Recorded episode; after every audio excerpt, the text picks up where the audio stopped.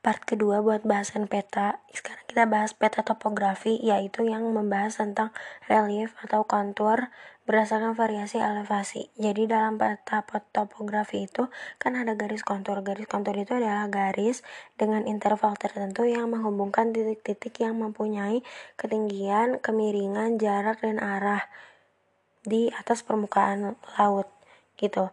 Interval kontur adalah jarak vertikal atau beda tinggi antara satu garis kontur dengan garis yang lain. Jadi kayak perbedaannya itu tuh disebutnya IC atau interval kontur. Ketentuan garis kontur itu yang pertama tidak berpotongan dan tidak bercabang. Yang kedua garis yang rapat berarti itu curam atau terjal. Kalau misalkan uh, garis-garisnya renggang berarti dia landai atau biasanya kan berarti uh, dataran uh, rendah berarti banyak penduduk. Terus kedua garis kontur yang berhimpit berarti itu menunjukkan jurang. Garis kontur yang berbentuk V menjorok ke sudut dalam itu menandakan sungai. Garis yang bergerigi itu menunjukkan depresi puncak yang menurun. Garis yang melingkar menunjukkan bukit. Garis untuk pantai ditandai dengan angka 0 dan kedalaman laut diberi tanda negatif. Daerah yang tidak bergaris kontur itu adalah daerah datar. Jangan lupa sambil dibayangin ya. Terus di sini gue juga nyatatnya ada cari ketinggian. Kalau misalkan ditanya si C yang berada di e, antara berada di antara dua garis kontur gitu kan. Terus dia itu letaknya tuh e, atau tingginya di situ tuh seberapa gitu dengan sudah diketahui jarak sebenarnya dan jarak e, kontur dari petanya itu berapa. Dibaca aja di sini. Tadi udah bahas tentang topografinya, sekarang gimana caranya menentukan skala dan kemiringan pada peta topografi. Yang pertama dari skala, menentukan skala topografi dulu, yaitu rumusnya CI atau kontur interval, yaitu interval antar garis kontur yang tadi gue bilang. E, rumusnya adalah 1 per 2000, itu tuh adalah konstanta dikali penyebut skala. Jadi CI sama dengan 1 per 2000 dikali S. Gitu atau S sama dengan 2000 dikali CI tinggal dikali. Tinggal pokoknya pasti bisa sih tinggal dipindahin aja gitu. Di sini ada contohnya contoh soalnya. Nah CI ini satuannya meter karena dia lintang vertikal. Jadi dia nggak boleh dirubah. Dia udah kayak dari sananya satuannya harus meter. Sekarang cara nentuin kemiringan peta topografi atau lereng yaitu dengan cara beda tinggi atau CI nya yang nanti dikurangi itu Terus dibagi jarak sebenarnya dikali 100%. Jadi langkah pertama itu cari dulu CI-nya yaitu e, dengan mengurangi jarak yang di atasnya. Karena ada dua kontur, yang di atas sama yang di bawah dikurangi. Terus itu kan meter udah. Terus bu, cari skalanya. Kalau misalkan udah diketahui skalanya, misalkan satu banding 100 ribu, berarti nanti dilihat e, si miring kemiringan kan yang ditanya kemiringan A ke B misalnya itu tuh jaraknya misalkan 5 cm berarti tinggal dicari 5 cm itu berarti berapa jarak sebenarnya terus nanti langsung dicari kemiringannya CI tadi dibagi sama skala dikali 100% Oke, okay, all about topografi udah kita pelajari. Sekarang kita mau ke membaca peta. Nah, jadi tahap memahami peta dulu ya. Itu tuh ada tiga. Yang pertama pembacaan peta, terus interpretasi atau penafsiran peta, dan analisis peta. Gitu. Sekarang membaca peta dulu, berarti dia itu mengidentifikasi atau membaca arti simbol-simbol oleh pembaca peta. Beberapa hal yang harus kita ketahui dalam membaca peta itu kalau kita ngelihat judul berarti dia itu adalah menunjukkan isi peta dan wilayah yang ditampilkan dan juga biasanya menunjukin dia tuh jenisnya juga gitu. Terus tanda orientasi berarti arah, skala itu berarti menunjukkan jarak dua tempat dan luas wilayah, melihat simbol dan legenda berarti ketampakan bentang alam dan bentang budaya, terus melihat simbol dan legenda menunjukkan potensi sumber daya alam, garis kontur dan warna menunjukkan ketinggian tempat, garis kontur yang berdekatan itu menunjukkan kemiringan lereng, kita udah bahas ya tentang garis kontur juga, terus um, garis astronomi itu menunjukkan lokasi, bintang dan bujur, dan keseragaman kondisi fisik, yaitu dilihat dengan isoline. Abis dibaca kita mau menafsirkan nih yaitu interpretasi peta gitu. Apa sih maksudnya dari simbol-simbol tersebut terhadap objek fisik maupun objek fisik sosial? Interpretasi fisik dulu yang pertama kalau misalkan kita ngeliat di situ tuh banyak simbol gunung lembah ngarai pegunungan sungai berarti itu menunjukkan reliefnya kasar atau rupa buminya kasar. Terus kalau misalkan kita ngeliat ada bentuk sungai lurus berkelok-kelok tiba-tiba hilang dan terputus-putus. Nah itu tuh sebenarnya uh, punya cirinya masing-masing ya di sini gue ada gambarnya juga. Kayak contohnya buat sungai yang belok-belok atau meander berarti dia tuh ada di daerah datar karena aliran sungai mengalami erosi ke samping dan sedimentasi. Gitu dia tuh e, berkelok-kelok berarti kalau di daerah datar berarti banyak juga penduduk gitu. E, pokoknya sambil dibayangin ya. Terus habis itu e, contohnya sungai tiba-tiba hilang atau putus-putus itu tuh ada. Itu tuh biasanya e, di tempat-tempat daerah kars kars itu adalah pelarutan batuan yang terdiri dari kapur. Gambarnya itu kayak dia tuh yang uh, kayak batu tapi putih karena dia mengandung kapur. Terus juga biasanya suka ada goa. Itu tuh karena pelapukan batuan dan pelarutan batuan I mean dan biasanya kurang apa ya air itu kayak gak ada makanya cepat kering gitu. Selanjutnya ada interpretasi sosial.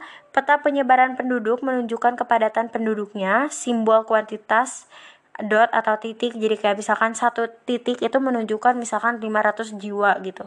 Terus Daerah pemukiman yang padat dari rumah-rumahnya, tanahnya subur, transportasi lancar, relief halus. Daerah kaki patahan menunjukkan daerah sumber air, pemukiman tersebar secara merata berarti semuanya serba baik, pemukiman paling padat berarti di dataran rendah, landai dan konturnya renggang. Permukiman menjari berarti dia di daerah bekas sungai. Pemukiman sporadis atau dot atau tersebar itu airnya langka, tanah batuan kapur, relief kasar, dan transportasi sulit. Pemukiman memanjang berarti dia uh, ada di daerah yang dekat jalan, sungai atau rel kereta api. Pemukiman radial atau melingkar dia biasanya di kawasan gunung api. Radial, radial I mean astagfirullah. Ya, radial melingkar memusat gitu biasanya di daerah pegunungan sumber air sungai terus jalan lurus berarti daerah datar jalan berkelok-kelok berarti daerah ketinggi dan miring jalan yang membentuk sudut daerah kompleks Nah, udah tuh diinterpretasi. Nah, kita mau dianalisis ya, tinggal dianalisis aja sesuai kebutuhan pembaca. Sekarang kita bahas ke pembuatan peta yaitu yang berupa survei lapangan. Ada tiga tahap. Yang pertama persiapan, terus menentukan sudut arah titik A sampai B, A, jarak A ke B, dan pelaksanaan. Sekarang bahas yang persiapan dulu aja. Seperti biasa ya siapin karena dia survei lapangan siapin kayak kompas, meteran, tali, kertas, pensil ya alat-alatnya lah kayak tools-toolsnya. Abis itu bikin lembar pengukuran yang berupa atau di dalamnya tuh ada nomor titik, azimut, back azimut, jarak sebenarnya dan jarak skala dan bearing. Nanti kita pelajarin. Menentukan wilayah yang akan dipetakan, menentukan skala peta, menentukan titik awal pengukuran, menentukan arah utara kompas dan menentukan titik-titik sasaran kayak A, B gitu-gitu. Sekarang ke menentukan sudut arah titik A ke B. Itu tuh terdiri dari tiga yaitu azimut, back azimut, sama bearing. Pertama kita azimut dulu. Model azimut ini adalah pengukuran dari arah utara kompas sebagai 0 derajat searah jarum jam hingga 360 derajat. Di sini ada gambarnya ya, pokoknya sambil dibayangin aja kan itu ada kompas kan, kayak segitiga eh garis horizontal sama vertikal kayak garis koordinat gitu. Nanti kan yang di atasnya utara. Nah, nanti tuh dia tuh si azimut ini uh, kan muter. Garisnya itu muternya dari utara sampai nanti 360 360 derajat sampai nyampe lagi di utara dan searah jarum jam. Nah, terus apa itu back azimut? Berarti dia itu adalah pengukuran dari arah selatan kompas sebagai 0 derajat searah jarah searah jarum jam. Gitu. Kalau tadi uh, azimut dari utara sekarang kebalikannya back azimut dari selatan. Set ya ke selatan, tapi ada tapinya yaitu kalau misalkan nanti si azimut azimutnya ini lebih dari atau back azimutnya ini lebih dari 180 derajat berarti nanti harus dikurangi lagi sama 80 kalau lebih.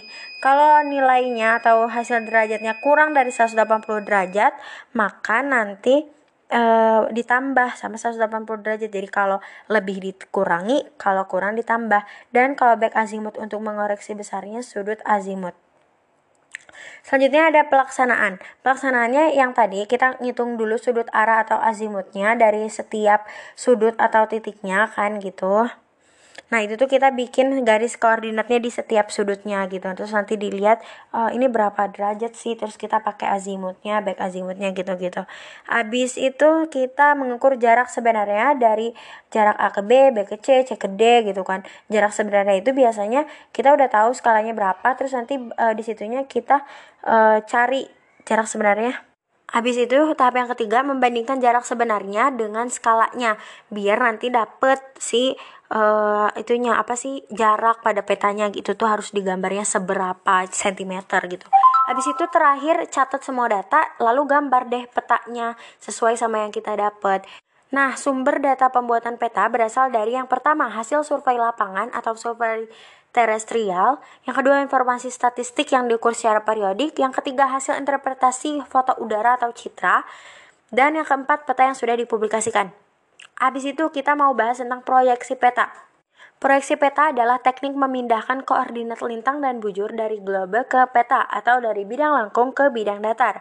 Ciri-cirinya berdasarkan cirinya proyeksi ini ada tiga yaitu proyeksi equidistan atau jarak ekuivalen atau area dan conform atau ortomorfik atau bentuk.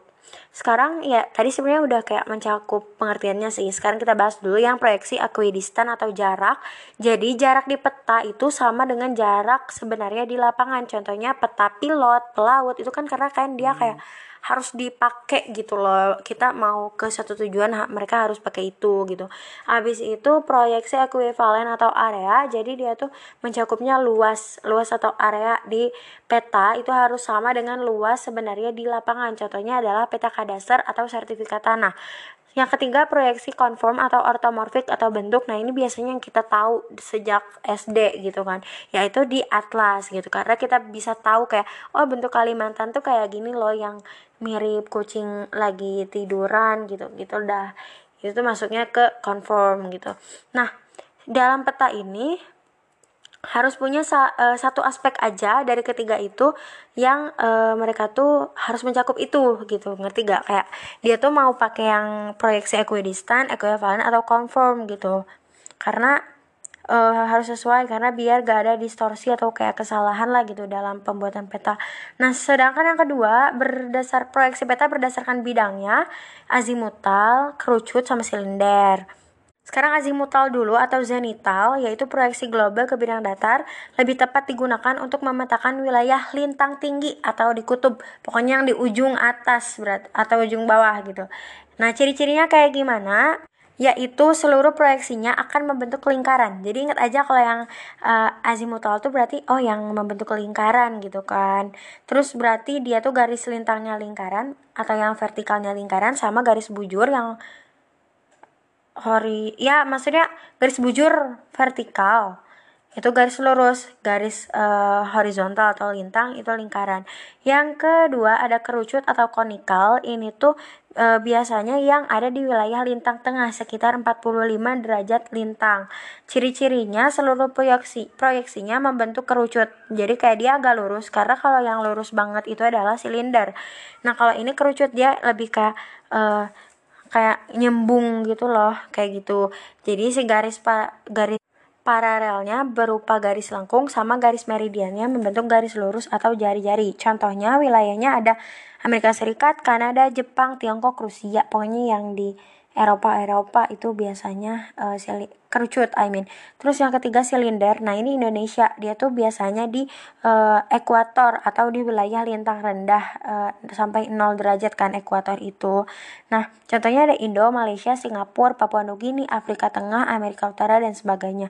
Yang di ekuator aja gitu yang di lintang rendah.